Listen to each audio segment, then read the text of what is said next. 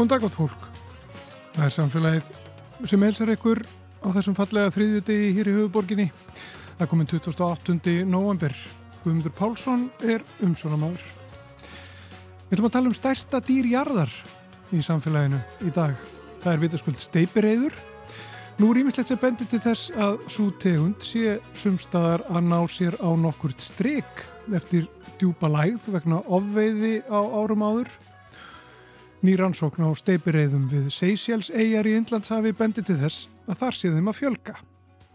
Þetta Elisabeth Magnúsdóttir kvalasérfræðingur ætlar að segja okkur allt um steipireyðar. Svo kemur til okkar doktorsnemi í umhverfisfræði, Guðmundur Steingrímsson. En í dag byrtist í spilararúf þáttaröðin Jæja sem hann hefur gert um umhverfismál. Guðmundur er líka að pakka fyrir ferð á lofslagsting saminuð þjóðana COP28 í Dubai. Hann ætlar að segja okkur frá þessu öllu saman hér á eftir. Anna Sigurður Þráinsdóttir, málfarsráðunautur, kemur svo til okkar í lókþáttar í málfarsspjall. Við ætlum að velta fyrir okkur spurningunum hver, ef einhver, ákveður hvaða orðvinótum framhald af samkeppni um hýrirði sem samtökin 78 stóðu fyrir en niðurstöðunar voru kynntar á degi íslenskar tungu þann 16. november síðastliðin. En við byrjum á steipirriðum.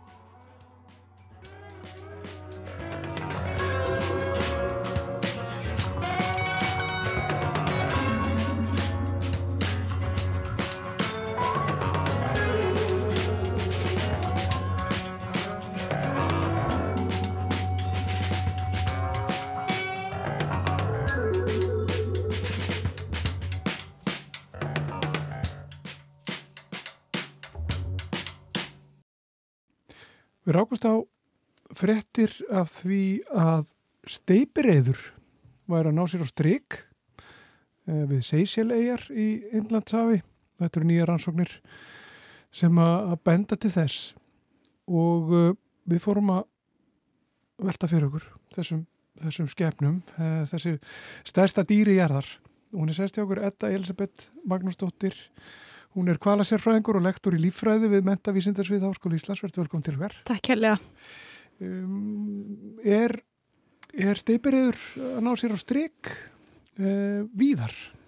Það má segja að steipireyður eða tegundin er svona að uh, auka staðins en enga síður eru þær ofbúsla fáar enn sem komið er, enga síður. Um, hér við uh, í Norður Allandshafi eru taldar um í kringum 3000 steipureiðar og, og margar þeir eru taldar koma nálagt Íslandi eða við Íslandstrendur.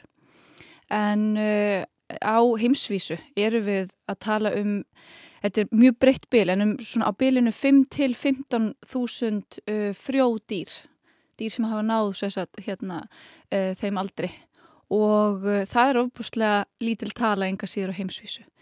En góðu fréttinar eru þær að á ákveðnum stöðum, bæði á ýmsum uh, fæðuöflunarstöðum eins og þá kannski sérstaklega í, á suðurskautinu við uh, hérna Suðurpólinn, þar Suðurhöfum að þar hefur verið aukning Og, og svo, já, virðist hún henni vera allavega að fjölga hérna líka. Það voru allavega ofböðslega fáar eftir að kvalviðum laug og e, það fáar, það var jafnveltalar þeim hefði verið útrýmt í Norður Allandsafi. En svo e, fóru þær svona aðeins svona upp úr 2000 svona, rúmlega það. Þá fóru talan aðeins, aðeins upp af við og já, stendur kannski í cirka 3000 kvölum hér eh, í Norður Allandshafinu svo að það gæti alveg verið ef að talan er rétt fyrir heldarstofnin 5 til 15.000 þá er þetta ágætið sluti af alheimstofni, ef svo má segja. Já. En þetta eru fá dýr. Þetta eru mjög fá dýr, Já. einmitt. Fáir einstaklingar. Þetta eru mjög fáir einstaklingar, já. já. Er, er uh, við erum að tala um það, það ekki bara svona um miðja síðustu öld, er það ekki, eða hvað, upp úr Sko- 1950-60? Þá lauk kvalviðum Já, og þá Eh, er bara... umtal, eh, já, þá eru þær í rauninu bara hornari en um, að því sem fólk best veit þá. En uh, kvalveiðar eða veiðar á steipurum þar hættu mun fyrr. Það var svona upp úr 1905 sem þar hættu í Noregshafi og í kringu 1916 við Ísland. Þá er bara of erfitt að finna þær og það þýðir að stopnin hefur verið í algjöru lámarki og en, en veiðar á steipuröðum á heimsvísu eru standa yfir alveg til 75 það er ekki fyrir en þá sem að svona bann næri verið allan heiminn. Og einmitt sovjetmenn eru að, að veiða þessa kvali í Suðurhöfum og Inlandshafi en þá eru veiðar stoppaðar hérna í Norður Allandshafi enda mjög erfitt að finna steipirðar og eftir að steipirðarnar hurfu að þá fóru kvalveiði menn að færa sig yfir í langriðar og hnúubaka meira magni mm -hmm. en það hafa þeir stopnar verið starri og sterkari. Steipirðarstopni virist náttúrulega ekkit vera íkjá stór. Þetta eru náttúrulega stóri einstaklingar. Uh, en en það er leðandi að þegar þú ert með stopp sem að svona náttúrulega verður ekki gífulega stóra þá er hann mjög veikur fyrir uh, veiðum. Og sérstaklega svona umtalast smiklum veiðum. Og við getum hugsað okkur breytingar og fjölda. Að það er áallat að frá því að kvalviðar hófust og þar til er hættu á steipiriðum að þá hafum 340.000 dýr verið veitt svo að þetta er alveg langt umfram það sem að alheimstofnin er í dag svo að það hefur gífilega breytingar verið á bara hlut þessara dýra í visskerfinu eh, eftir þessa miklu kvalviðar. Já. Við sjáum að þú nefndir núubakka, það er tölvert af þeim. Já, þeir, þeir hafa, hafa náð sér á stryk. Þeir hafa náð sér munbyttur á stryk og eru taldir, við erum komnir í það sem við kallum jafnvægi uh, og nálagt því sem þeir mögulega voru fyrir kvalviðar. Uh, hérna í Norðurlega Allandshafi til þess að við höfum ykkur á tölur, þá eru það reyndar ekki nefnum 11.000 dýr eða svo og eh, langreðar í kringum 40.000. Eh, nú er ég bara að tala um Norður Allandshafið, eh, svo að þessi dýr er ekki hlaupandi okkur miljónum En, eh, en það telst svona vera, já nálagt því sem er talið hafa verið fyrir kvalveðarnar. Svo að það er eitthvað í fari núbaka og langreiða sem hefur gert þær uh, hæfari í að ná sér aftur á stryk. En svo er mjög áhugavert að sjá hvernig stopni næri eitthvað skonar jafnvægi sem eru þetta, það ekki bara vel úr vistfræðinni að þegar hérna, burðarþólið er að nálgast að þá, þá jafnast fjölkunin út og hún og dregur úr fjölkuninni. En við höfum verið líka sjá mikla útbreyslu breytingu.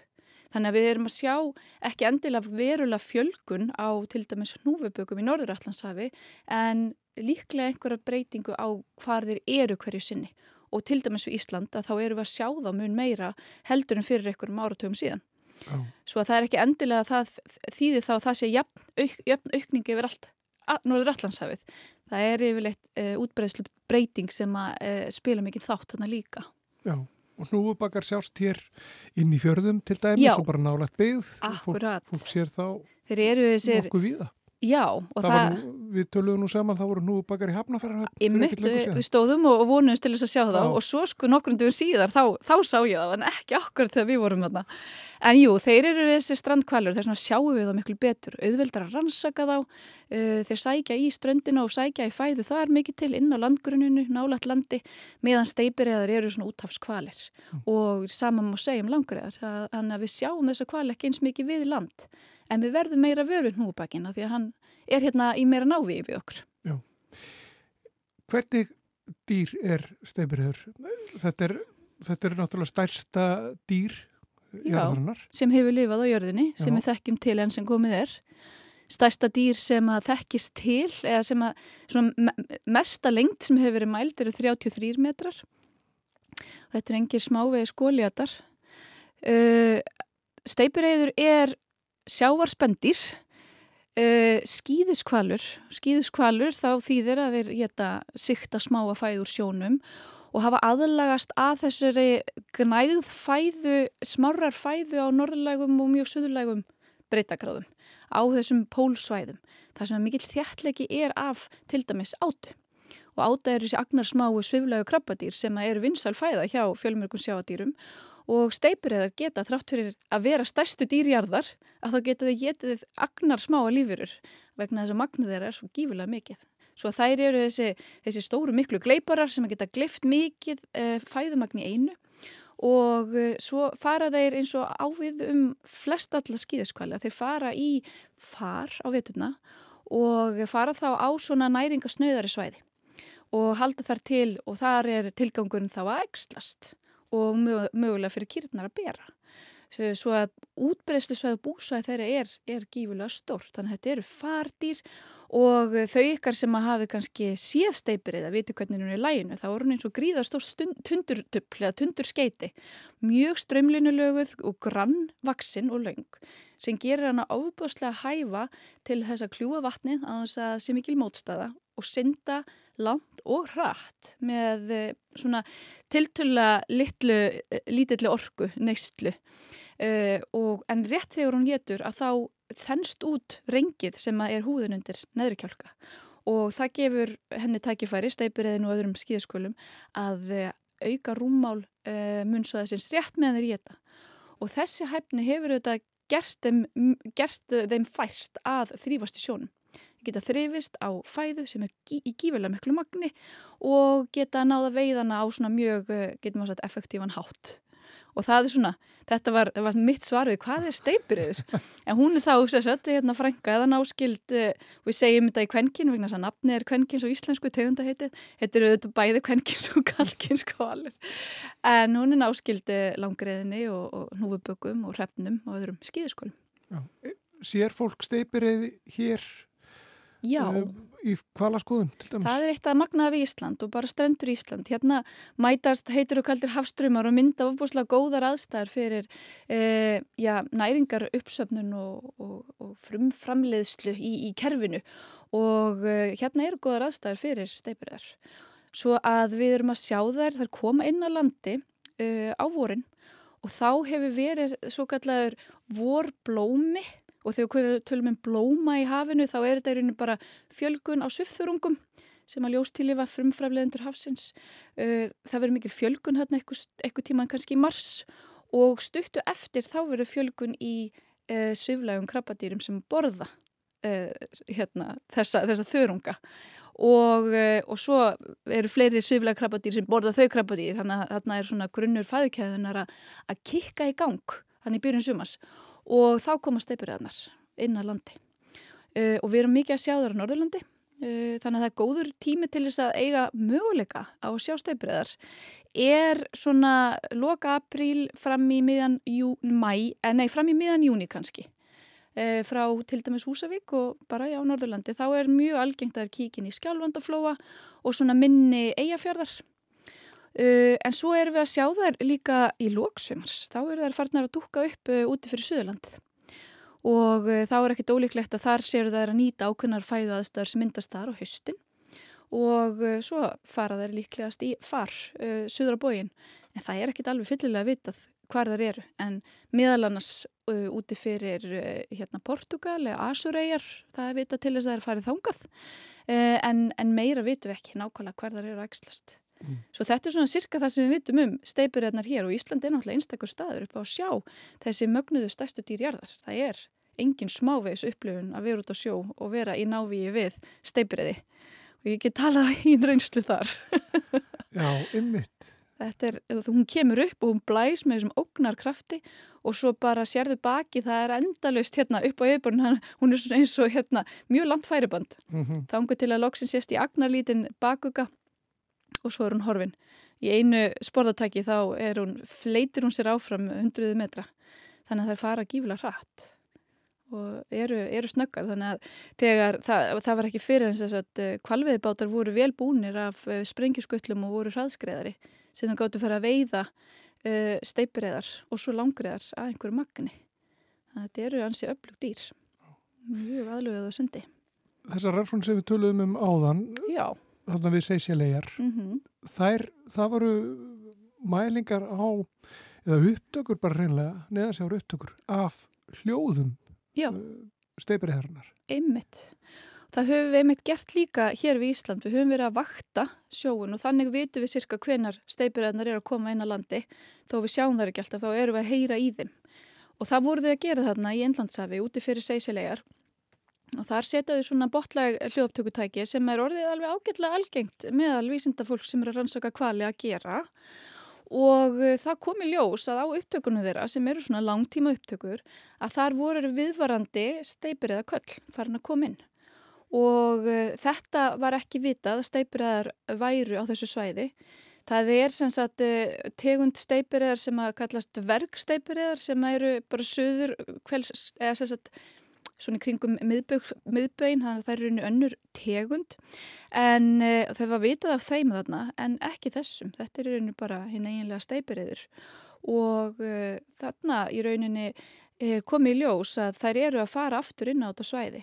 Og það sem að vísindafólki sem að stendur á þeirri rannsókn vil meina að þarna uh, hefur náttúrulega verið verndun þessara kvala síðan 75 á heimsvísu og miklu fyrir mörgum öðrum stöðum en kvalir sem eru að koma þarna inn eru sennilega að koma frá söðuskautunum og uh, hérna og gætu verið að þessu að nærast þar og svo eru þær farnar að uh, fara þarna upp yttir líklega þegar ég segi upp yttir þá meina ég þarna norður á bógin mm að þá eh, er, er líklegt að þessi að nýta þetta svæði til að ekslast. Það er svona ekki ósönilegt, það er svona algengar að gera það á svona trópiskum svæðum. En í Indlandsafi eru mjög öflugir ströymar og það geta myndast fæðuskilirði inn á þessu svæði, jafnvel á trópiskum svæðum. Svo mögulega er það líka að nærast. Já. Svo það er margt ennþá óvitað en það er að koma aftur inn á þetta svæði og þau er að tala um þetta vísinda fólk að þarna séu við að sjá einhvern árangur í verndun og ef bara dýr eru látin vera þá er möguleiki ef aðstæður fyrir hendi að þau ná sér að stryka aftur og þetta er vissulega jákvæð teikn að sjá lífveru koma aftur inn á útbreyslusvæði sitt, inn á eitthvað svæði sem hún hafi yfirgefið áður, það gæti verið vísbending um að stopnin sé að komast í heilbriðara eh, form allavega þessi sögukveldstopn Eða að heyra í stefriði? Endilega, heyri mér tókst með þér hérna? Já, hérna eru upptökur af steipuröðum að sumri og eh, það eru notað þessi köll, eh, þetta eru, sko, er fæðuköll, eru þau kölluð vegna þess að við heyrum þau bara sumrin þegar það er í fæðu og líklega notað er til þess að eigi samskiptu við hver aðra vegna þess að við sjáum er mjög mikið vera saman í hópum þegar það er að veiða.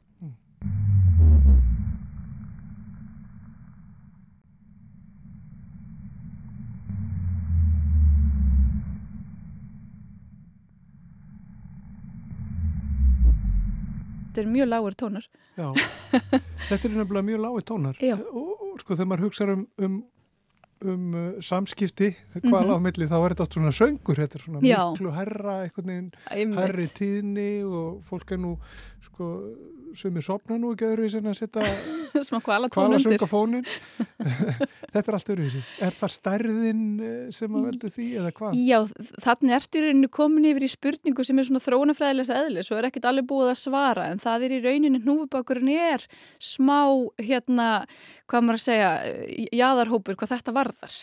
Að þessi gífulega fjölbreyttu tónar sem koma frá þeim skýðiskval núfubaknum eru svolítið einstæmi Það er einn annar kvalur sem heitir sléttbakur, uh, grænlands sléttbakur, sem getur líka sungið mjög fjölbreytt á tóna. En aðri skíðaskvalir eru í þessum lægri djúbu tón og mynda ekki af fjölbreytt hljóð. Um, og, það, og þar eru við komið með alls konar ástæðar sem getur verið og það getur verið kynjað val kyn, já, kynval og svo er það líka sagt að aðstæðunar það sem hnúbakar til dæmis er að syngja er meira grunnsæfi og ójafne e, botnin og hærri tónar eru líklega til að berast vel það sem eru grinningar, lægri tónar það sem er djúft þannig að það gæti verið svona aðluguna umhverfinu en steipuriðar þær eru að kalla yfir úthafið meira minna og þær græða á því að, að köllin þeirra nái yfir langar vegalengdir. Og því dýpri sem tónarnir eru því lengri, lengur er þeir að deyja út og drífa þá lengra eða berast lengra. Og í vatni þá berst, berast hljóð fjórusunum hraðar en í lofti og e, berast líka lengra. Af því að í vatni þá deyir tónin setna út.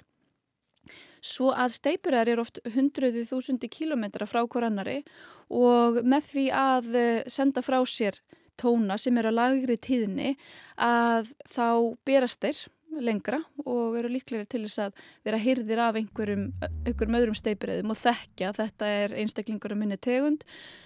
Og svo náttúrulega þegar uh, axluntíminn gengur í garda þá syngja uh, steipuröða uh, tarfarnir en ekki eins og eins og hnúbakstarfarnir, þeir syngja í bassanum.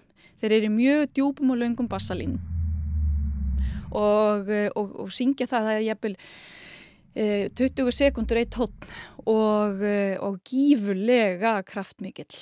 Er, þetta eru tónar sem að, e, eru af decibelum, er þetta 188 decibel og við getum yfirfært það yfir í þóturheifil á landi að, og, og, og þessi styrkur í hljóðinu dugar alveg út þessar 18 til 20 sekundur.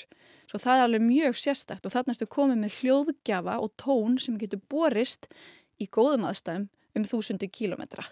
En það er náttúrulega svo mikið hljóðmengun í hafinu þannig að það, hljóðmengun hún dregur úr vegalengt hljóðs til að berast. Þannig að ef það er mikið hljóðgjöfum allt í kringa þá deyr hljóðið fyrir út. Og það er tilfellið fyrir steipurðar að það er eiga erfiðar með að finna hver aðrar hver aðra vegna þess að hljóðpúlsunar er að berast ekki lengur jafnblant. Mm. Og það er einmitt þetta sem að vísindafólkið í Inlandsæfi er að tala um, sem að var að rannsaka við seysilegar, að þarna er óvenju lítil skipa umferð með að við á mörgum öðrum stöðum í heiminum, það sem er mikil þjættliki fólks, eins og í Norður Allandsæfi er gífulega mikil, mikil skipa umferð. En þarna er óvenju lítil skipa umferð og ansið góðar aðstæður fyrir steipiriðar að kalla sínum köllum yfir langar vegalengdir og það tala um þetta sé svona nokkuð uh, svona, hvað maður segja, óspilt svæði miða við það sem við erum farin að vennjast á heimsvísu. Svo þetta getur verið hansi góður staður fyrir steipiröðar til þess að einmitt finna maka og þau kallir þetta svona, þetta getur orðið griðarstaður steipiröða ef að uh, svona skipaumferð ekst ekki uh, mikið meira og, uh, og ekki frekari hættur sem að stæðja þessum dýrum þarna. Mm. En, eh, en þarna fór ég svona já úr því hvaðan komið sér hljóð og, og, og af hverju syngja er þessi, þessi, þessi djúpu tóna. Og það er yfirleitt til þess að þeir bara berist nógu langt. En svo verðum við líka að hugsa pínulítið um lífeðlisfræðina að þær eru gífulega stórar og þær geta, sagt, hérna, hljóðið getur hérna, magnast upp í e, bara líkama þeirra. Og e, þær með sinni líkamsstærða þá geta þær mynda dýbri tóna, stærri bylgjur. og það gerir þeim kleift að mynda svona ofbúsla djúpa og sterka tóna sem að aðri kvalir kannski get ekki sem hafa ekki sumu stærð og styrk. Mm -hmm. svo þetta er svona ímislega sem helst í hendur sem að gefur þessa útkomu þessi mögnuðu djúpu bassaljóð hafsins. Já, kannski bara í lokin er, eru þessar þessar vísbendingar sem koma fram þarna við segsilegar fylgir því ykkur von um að, steiperiðurinn sé svona ná sér og strykk og, og það sé raunverulega hægt að búast við því að, að steipiröðurinn nái aftur, já, kannski ekki fyrri útbreyslu en, en eitthvað áttir það. Já, þetta er, þetta er svo sannlega jákvægt. Þetta gefur manni svo sannlega smá von um að þarna er dýr sem eru þetta í útrýmingahættu. Það er, að, það er farið úr því að vera í bráður í útrýmingahættu og er komin upp í að vera bara í útrýmingahættu og vonandi kemst hann upp í að vera kannski í hérna uh, svona uh, vera viðkvæm, viðkvæmur stofn en ekki útrýmingahættu og þetta er vissulega teikn um að það sé möguleiki að minnstakostu þessu hafsvæði. Þetta segir í sjálfu sér ekki mikið til um hvað getur gæst hér. Uh, af því hér eru aðstæður allt aðrar, hér er miklu meiri hljóðmengun og það er mjög sennilegt að það sé hljóðmengun sem að spili mjög mikið inn í og þessi nokkuð svona óhljóðmenguðu svæði og, og takmörku skipaumferð er líklega jákvæð fyrir þessa tegund. Svo að þetta er jákvæð, já. Mm. Þetta gefur manni smá von en þetta er engin trygging um að stopninu muni núna á heimsvísun á sér. Við þurfum bara að halda áfram að vernda hafsvæði og að halda áfram að vera meðutum hvað við þurfum að draga úr okkar aðtöfnum svo að fleiri dýr geti náð sér eftir að strykk. Með mitt ljúku þessu svona. Þetta er Elisabeth Magnúsdóttir, kvala sérfræðingur og lektor í líffræði við Mentavísindars við Háskólu Íslands. Takk fyrir komuna í samfélagið. Takk fyrir mig.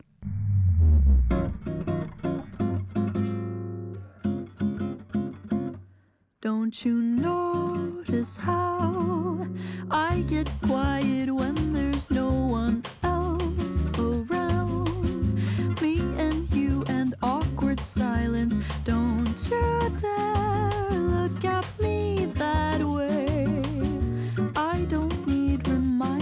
reminders of how you don't feel the same. Oh, the burning pain. Listening to you heart pump out some new soulmate. She's so perfect, blah, blah, blah. Oh, how I wish you'll wake up one day. Run to me, confess your love, at least just let me say that when I talk to you, oh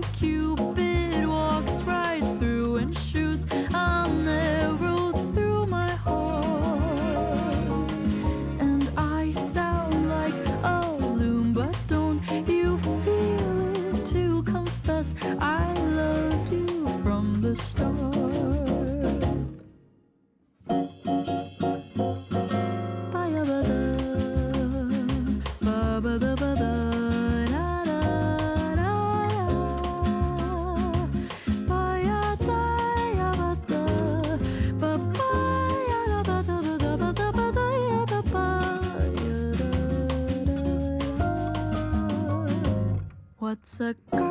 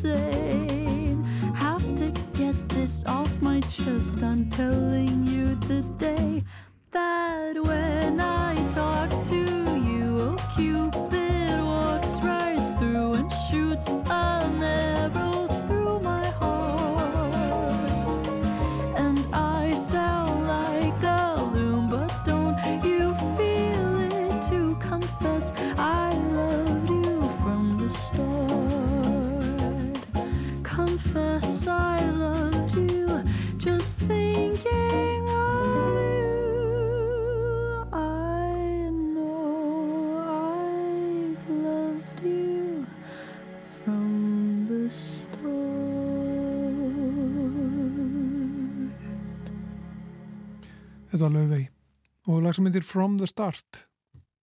Þá er sestur í okkur Guðmundur Steingrimsson hann er doktorsnemi og umsjónamaður nýra þátta hér á uh, Rás 1 eða í spilararúf öllu heldur. Þetta eru þættir sem að núna voru að byrtast í, í spilaranum bara í dag verða á dagskrá síðar í, í línulegri dagskrá hér í, í útvarpi. Verður velkom til okkar. Takk. Þessi þættir þetta jæja Mm -hmm. Og þú ert þarna að velta fyrir umhverfismálum Já, og þú fer svolítið djúft, er það ekki? jú, ég geri það nú.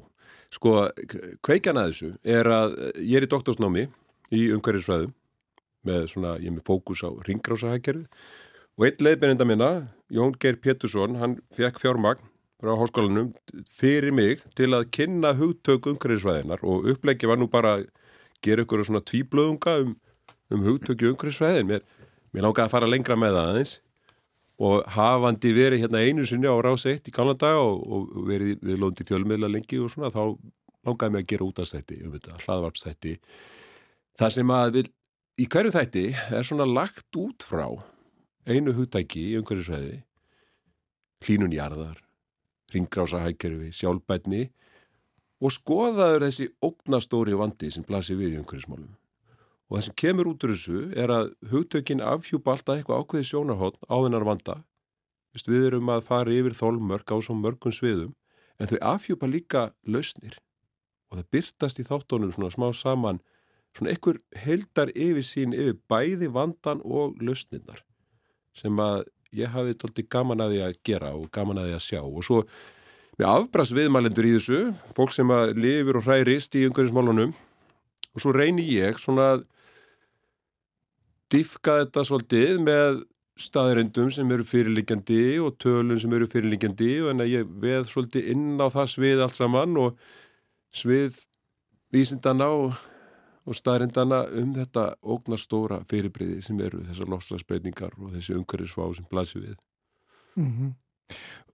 Inn á sviðvísindana, Já, er það skref fyrir þig að stíga þangaðin? Já ég er í doktorsnámi náttúrulega þannig ég byggja á einhverju en auðvitað þjakaður af afhjúpunar kvíða á þessum tífampunkti verði að viðkjanna, imposter syndrom alveg á sko í, hann er alveg í hámarki núna en þessa myndir þegar þættir er að koma út, ég býst náttúrulega auðvitað þeim að þetta er svo mikið af alls konar mjög bitastæðum staðrindum um þessi mál og ótrúlegar ótrúlegi vinklar á þessu öllu saman og maður vonar auðvitað, stundum eru tölurnar svo gríðarlega stórar og maður, maður hugsaður þegar maður, hvort að maður einhver staðar hafi kannski glemt einhverju nulli og svona en ég held þetta sé nokkuð svo lit Mm -hmm.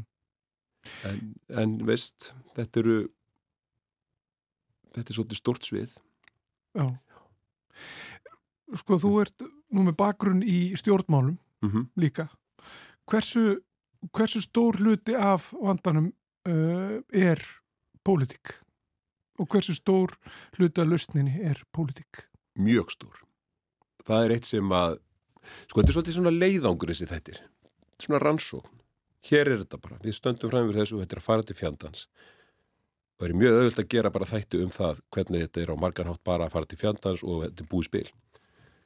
Það er alveg þráður í manni, sko. En ég reyni að tilninga mig líka ákveðinu svona ex-kynnslóðar kæruleysislega létt úð í, í þessu umfjöldinu efni bara til þess að lifa þetta af líka og reyna að hafa svolítið áhugavert og nota tónlist og svona til að gera þetta skemmtilegt líka. En það sem kemur út úr þessu þegar maður fer að skoða allt sviðið er í grunninn svolítið jákvægt þó þessi líka dabulegt er að samfélagi allt aturulífið, vísindageirin, fólkið bara er tilbúið til alveg fullt af lausnum en það vantar ákvarðanir ákvarðaninnar það bara þarf að taka ákvarðanir. Og um leið og ákvarðanir eru teknar þá fylgir allt með. Við erum komin á þann tímapunkt. Það er það sem þættirnir afhjúpa, finnst mér að bara, það er bara rosalega óþreya allstaðar að núti í samfélaginu eftir bara raunverulegum, aftráttarlausum ákverðunum. Við ætlum að fara í þessa áttu, við ætlum að hætta að nota jæreitnaelsniti, við ætlum að nota hluti aftur, við ætlum að gera allt þetta sem þarf að gera og við getum gert, það er bara ákveða mm -hmm. og þá spilar allt með eins og einn góði punktur til dæmis Elfur Rakel Jóns í hérna, festu og um bendir á mér um leið og ákverðinu tekin þá, þá blómstra nýskupun og fyrir hún að stað. Þannig að þetta er svona Við erum að horfa á það. Það er rosalega tími búin að fara í að sapna allum uppsingunum, búa til allar tæknina, gera þetta allt. Nú það bara að leggja stað. Mm. Það er pólitíkin. En það eru markmið og það er stefna í pólitíkinni, ekki svo? Jú, en hún er ekki, það vantar ákvarðanirnar. Bara ákvarðanirnar. Það vantar þær. Það, það, er, það er búið að gera alls konar stefnuplögg vissulega. Búið að gera alls konar greiningar. En Evrópusandbandið er svolítið að standa sig. Það er að það streyma þaðan lögjafir, til dæmis bara eins og, eins og ákverðunum það hvað telst grænt fyrirtæki. Það er nýja Evrópulögjafin. Bara þú verður að standast og það er bara gátlisti. Þú verður bara, hérna, ef þú getur krossað í þessi bóks, þá ertu sjálfbært grænt fyrirtæki, annars ekki. Og ef það ertu ekki, þá ertu ekki með. Þetta þarf líka, þetta er að náttúrulega komið til Íslands líka, en að fyrirtækin eru að fulli þessu. Það er líka ákveða hvað er til dæmis sjálfbær landnótkun eins og hún Þórun Péturstóttir bendir á í þætti 2. Það þarf ákveða það og þá getur við allt í unni farið að endurreisa íslenska vistkerfið sem er eitt stærsta lofslagsmálið fyrir, eða bara stærsta lofslagsmálið fyrir Ísland. Og þessar ákvarðanir er bara býða í ráðunetum. Þannig að pólitíkin, já, reysastórt mál. Mm. Þannig að er þá óvissan en það mikil um, um hvaða ákvarðan verður teknar eða í hvaða átt verður farið nákvæmlega er óvissan það mikil hún hamlar hreinlega uh, því að það sé að það ráðast í, í breytingar og gera breytingar. Já þess að þetta fyndi út, það er rauninni engin óvissa. Það, það, við vitum að við þurfum að verða sjálfbærari. Við vitum að við þurfum að glíma, glíma þennan vanda og eins og, og í fyrsta þætti það sem við bendum bara á að sem Anna Hulda Ólastóttir viðstofinni fer bara yfir afleggingandir sem eru öllum ljósar eins og er og það er verða bara meiri og meiri. Þannig að, að þennan hátt er, er þetta alveg fyrirsjónlegt og en sko e, ákvarðanir búa til leikreglur. Þær segja fólki hvert við ætlum að fara og þá eru allir við sama borð og þá gerum við þetta svona. Þær, þær vantar núna mm -hmm. á öllum sviðum eiginlega.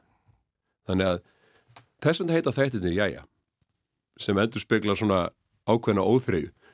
Og er þetta orð sem að við segjum auðvitað Íslendingar þegar við þurfum að fara að gera eitthvað. Þegar við þurfum að standa upp frá kaffibólanum og, og svona dröslast til þess að, að gera eitthvað að viti mm -hmm. þá mhm. segjum við alltaf fyrst já já. Já, er stundum líka þegar okkur blöskar þá segjum við Já, já Ákkurat, þess er þetta svo gott orð, það er margliða. Þetta er alveg hérna, nær utanum ákveðra tímapunktin held ég sem er núna. Það er komið jæja moment á svo margan hátt. Mm -hmm.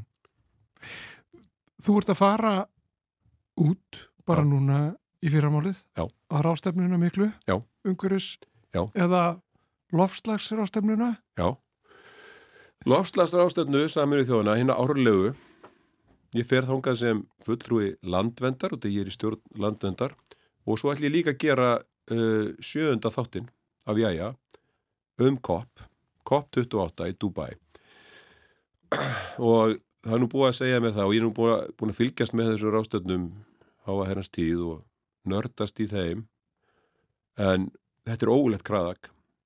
Það er ykkur 70.000 manns hálf Reykjavík sem mætir hérna og þú veist, þetta eru 197 þjóðir sem eiga aðilda að þessum samningi einhverja 170 sem mæta þarna og það þurfa allar að vera sammála.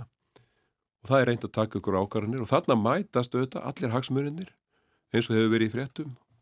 Ólíu hagsmununir berjast fyrir því að þessi þessi hægt á þessu ferli átt til sjálfbærari og grænni framtíðar. Og og við sem erum í umhverjum sandugum við þrýstum á móti. Þetta er eini vettangurinn sem við höfum heimurinn til þess að ræða þetta mál reyna að þoka þessu eitthvað áleiðis þannig ég er rosa spenntur að sjá hvernig þetta er. Ég upplifði þetta svona almennt eins og mér er svona við séum svona eins og maður er eins og búin að hlusta svo mikið á jarðvístamenn að ég held að í þessum málum öllum þessum umhverfismálum og gagvart þessum vandamálum þá sé að sapnast upp kvika. Við séum við, við, við það er kvikugöng ansi stór komin sem er bara þetta uppsapnaða óþól almennings vísindana, aturunlífsins út um allan heim fyrir því að fara að gera eitthvað. Og ég held að breytingarnar við sjáum það er ekki bara með einhverju ákvörðun sem verður tekin á lofslagsþingi heldur sjáum við það er bara smán saman gerast og svo fara þær yfir einhvern vendipunkt og það verður ekki lengur hægt að, að stúta jörðinni svona með jarðefna ólíu og jarðefna elsniti lengur. Við bara komum að því mómenti bráðum að þetta bara gís En núna var að koma daginn sko að, að um, gerskjafanir mm -hmm. í Dubai þeir sýta svolítið begja vegna borsins Jú, og, og, finnst, og, ha- finnst og núna voru komið ljós bara bara áformum það að nýta ferðina sko, að nýta, Já.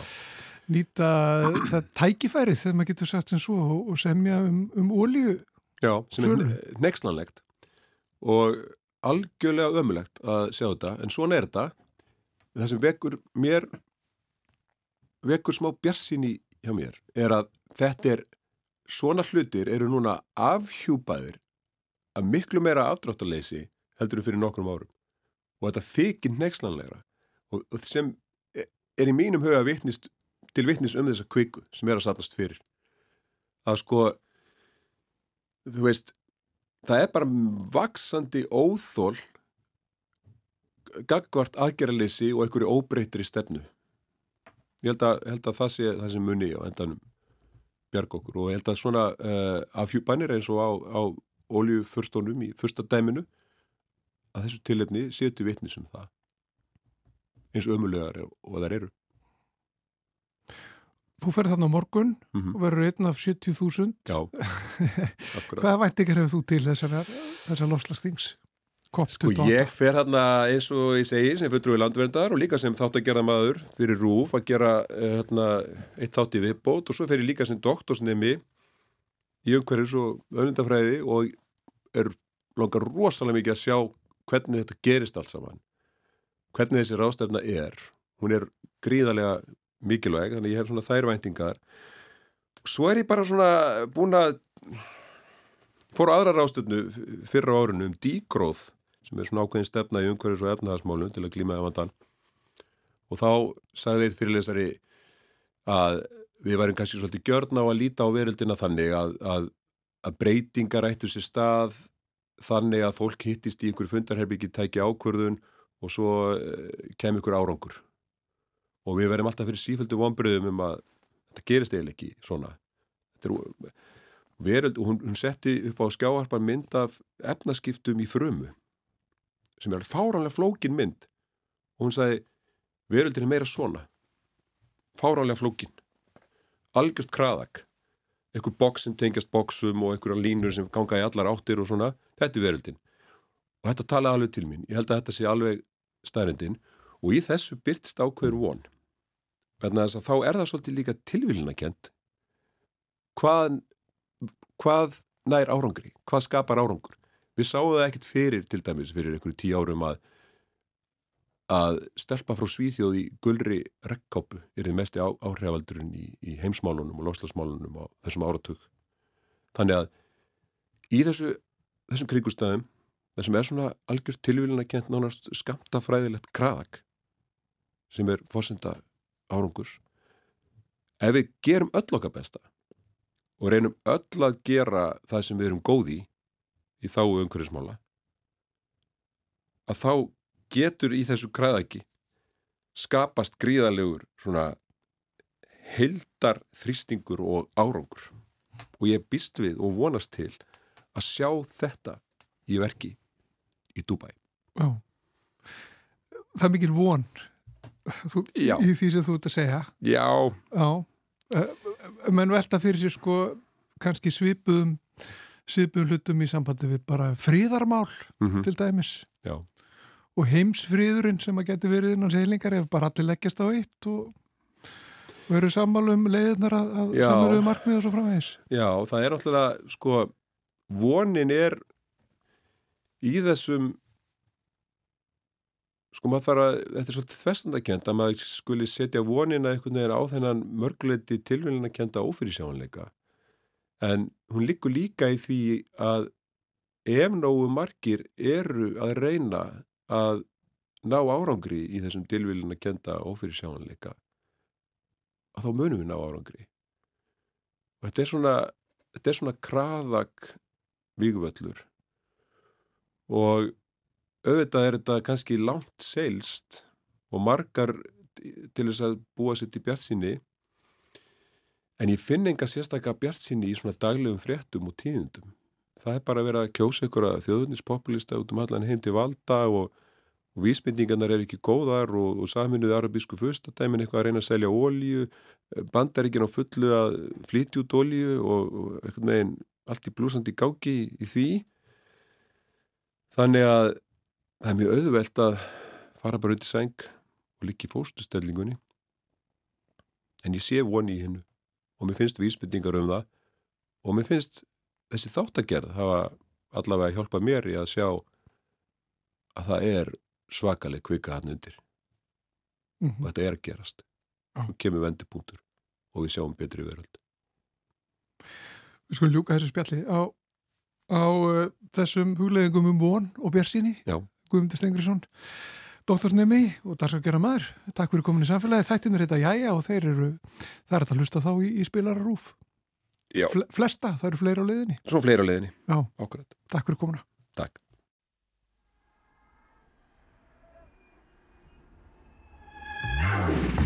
Destination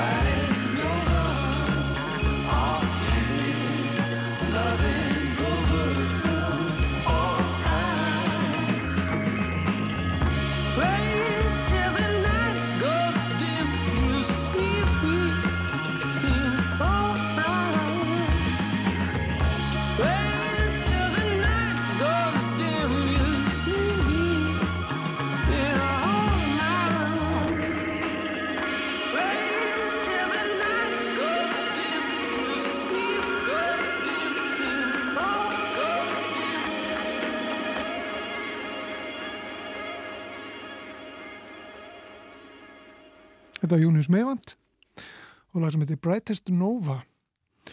Og þá er hún sest hérna hjá okkur Anna Sigriður Þráinsdóttir, Málfars ráðunitur, velkomin til okkar. Takk fyrir. Við ætlum að, að spjalla um Málfar, Málfar spjallið sem við tökum nú hérna stundum. Um, það var núna samkeppni um, á vegum samtakana 78 sem að það er hýr yrða samkeppni og þetta er nú ekki fyrsta skipti, þetta hefur verið gert áður. Og að þessu sinni þá var óskað eftir tillögum að orðum uh, í kynhlutlusu orði yfir ömur og afa til dæmis sem að var nú tölvöld rættum hérna fyrir nokkru síðan. Þá vakti þetta aðtigli að þegar fólk átti að segja á því að þessi orð voru ekki til. Um, en það er eitt af því sem að var. Sérstaklega er það ekki verið að leita að í þessari samkeppni? Jú, ég, sko, í, í, í keppnin sjálfri það var nú auglist eftir orði yfir foreldri foreldris til þess að vera kannski ekki að draga endilega ömur og afa inn í þetta. Mm -hmm. uh, og, og kannski er sá veruleiki að renna upp fyrir okkur að ömur og afar eða sérst foreldrar foreldra eru ekki endilega karlins eða kvöndjins og þá er ekki til neitt orði í íslensku sem nær yfir, yfir kynsegin uh, foreldra, foreldra. Mm. Og þess vegna var leitað eftir þessu orði og það, það hefur nú komið fram í þessum hýrirðakefnum, nú þessari og, og þeim fyrri sem ég held að séu örgulega tvær, að það er oft verið að leita að frændsemis Hvað á að kalla afkomendur, hvað á að kalla fór, fóreldra, fóreldra, fóreldra, hvað á að kalla frændfólk og svo framvegs. Þannig að, að þa þetta er svona liður í því að leita að, þessu orði yfir fóreldri fóreldris og uh, ef ég má ljóstur upp um niðurstöðuna sem er nú löngu uppbúið að kynna að þá var mælti ákvað dómnefndin að mæla með orðinu stórfóreldri en kom ekki, mælti ekki með neitni tillögu um, um uh, svona hvað maður kalla það orð sem að áviðum kannski eina personu eins og, eins og við notum ömmu og afa. Uh, stórfóreldri er í rauninni svona samneiti og það stoppa upp í gatt í málinu líka vegna þess að, vegna þess að við höfum ekkert átt svona eitt samheiti yfir fóreld, þessa fóreldra, fóreldra okkar.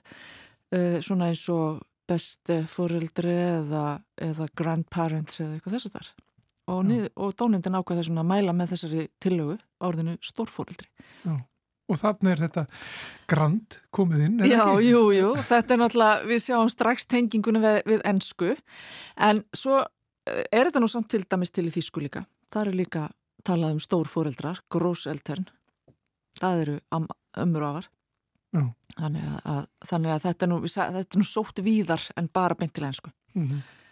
Uh, það var, svona, það var ákvörðun nefndarinnar að mæla ekki sérstaklega með tilögunni bestu fóreldrar af bara svona þeim ástæðum að það væri þá verið að tengja að veri, verið að setja, það væri ofmerkingarhlaðið skulum við segja Já.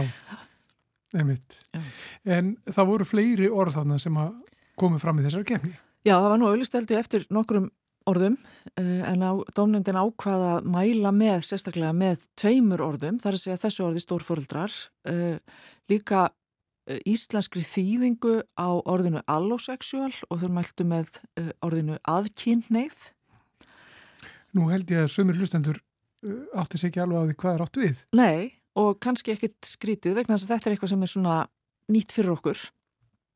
Uh, ég rætti þetta við eh, eitt úr dónindinni sem sagði mér að, að aðkynneigð væri, eða allosexual, það er í rauninni anteiti við eikynneigð. Eikynneigð er það að neyjast hafa ekki kynferðslega löngun til annars fólks, en aðkynneigð er, eða sérst, já, að laðast ekki kynferðslega öðru fólki, skulum við segja, eikynneigð, en aðkynneigð er þá það að laðast að kynferðslega að öðru fólki.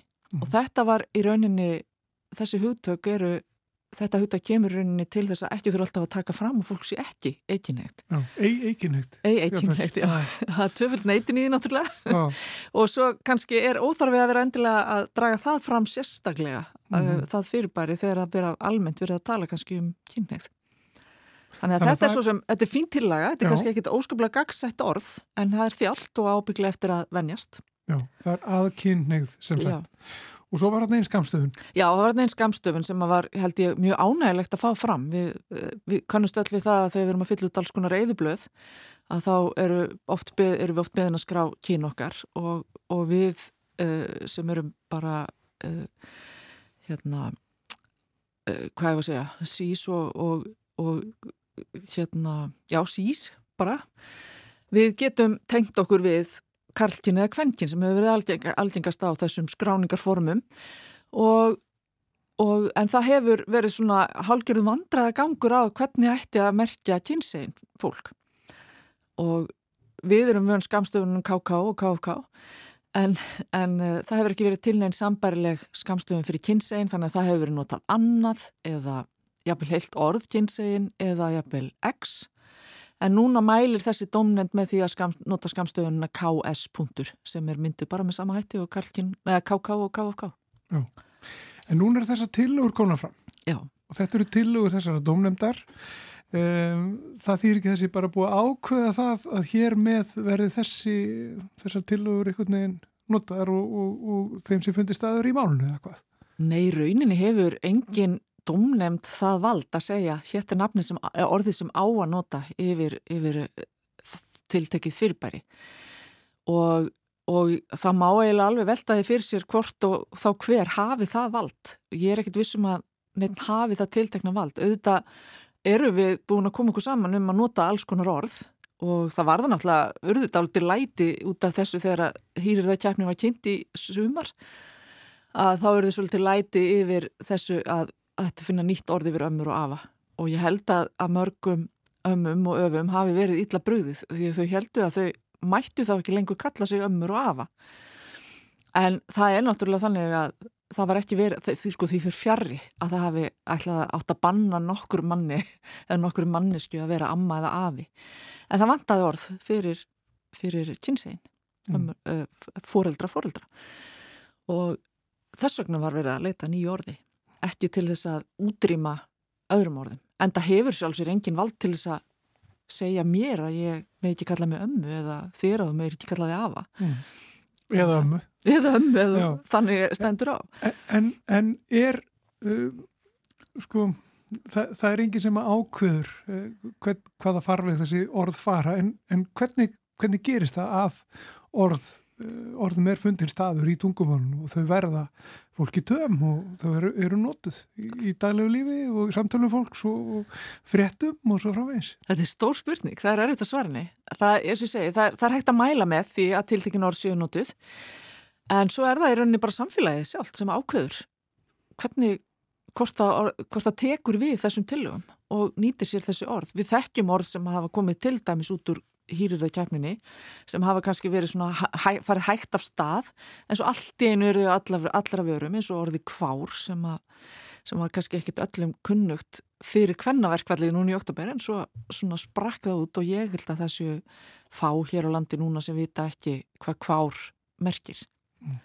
Og, og það og þar með er það komið svona inn í vitundina, það er komið inn í málkerfið og vitundina í okkur og orðaforða málsins. Og þannig gerist þetta, svo eru önnur orð sem að, sem að eru svona prófið og reynd en festast ekki. Og við þekkjum það úr mörgum öðrum sviðum, tækninni til dæmis, þar sem er ofbóðslega þörf fyrir nýri með, með endalausri hraðri og örri tæknithróun, þá er mjög mikil þörf fyrir nýri þar, þau falla í mjög misfrjóan jarðveg og eiga er auðvelt eða erfitt uppdráttar sum bara svona smetla einhvern veginn strax en önnur passa aldrei Mm. og þá þarf að finna ný Já, þannig að samfélagið ákveður það já en, en það þarf þá eitthvað að liggja fyrir eins og þessu tilfelli, þá eru Já. þessar tillögur og Já. það er þá sem getur prófað og mátað. orðin eru til, við getum prófað þau og mátað þau og, og fundið út hvort, að, hvort þau hend okkur. Ef þau hend okkur, þá bara verða þau vinsæl og komast í nótkunn. Ef þau hend okkur ekki, þá þarf að finna annað. Er þér kunnugt um það að í öðrum samfélögum þar sem önnur tungumál eru töluð þar séu haldar samkemnir um nýjir Ég það ekki, en ég trúi því alveg. Það geti alveg vel trúa því að það sé gert. Og í, í flestum málum, sko, það, það er mjög mikil áhugi á einhvern veginn máli og málnótkun í flestum tungumálum. Og sem sýnir til, til dæmis bara því að að hérna núna keppast allar orða, stórar orðabækur heimsins við að tilkynna orð ársins og það er þá oftast einhver ný orð eða orð þau orð sem er mest flett upp eða eitthvað þess að þar Já, Þannig að, og það eru málnefndir sem kynna nýjirðalista og svo framvegi, sko. Þannig að það er mjög mikill áhuga á nýjirðum og, og orðum yfirleitt, bara svona almennt Já. í heiminum. já, og Íslendingar hafa mikið áhuga á tungumálunu eins og Það er óhætt að segja það. Já, Anna Sigrið Þráarsdóttir, Málfarsráðunundur, gaman að fá því heimsókn. Takk fyrir komuna. Og þannig ljúkum við samfélaginu í dag. Guðmundur Pálsson, þakka fyrir sig. Samfélagi verður aftur að dagskrá á morgun að sjálfsögðu. Heyrumst þá. Verið sæl.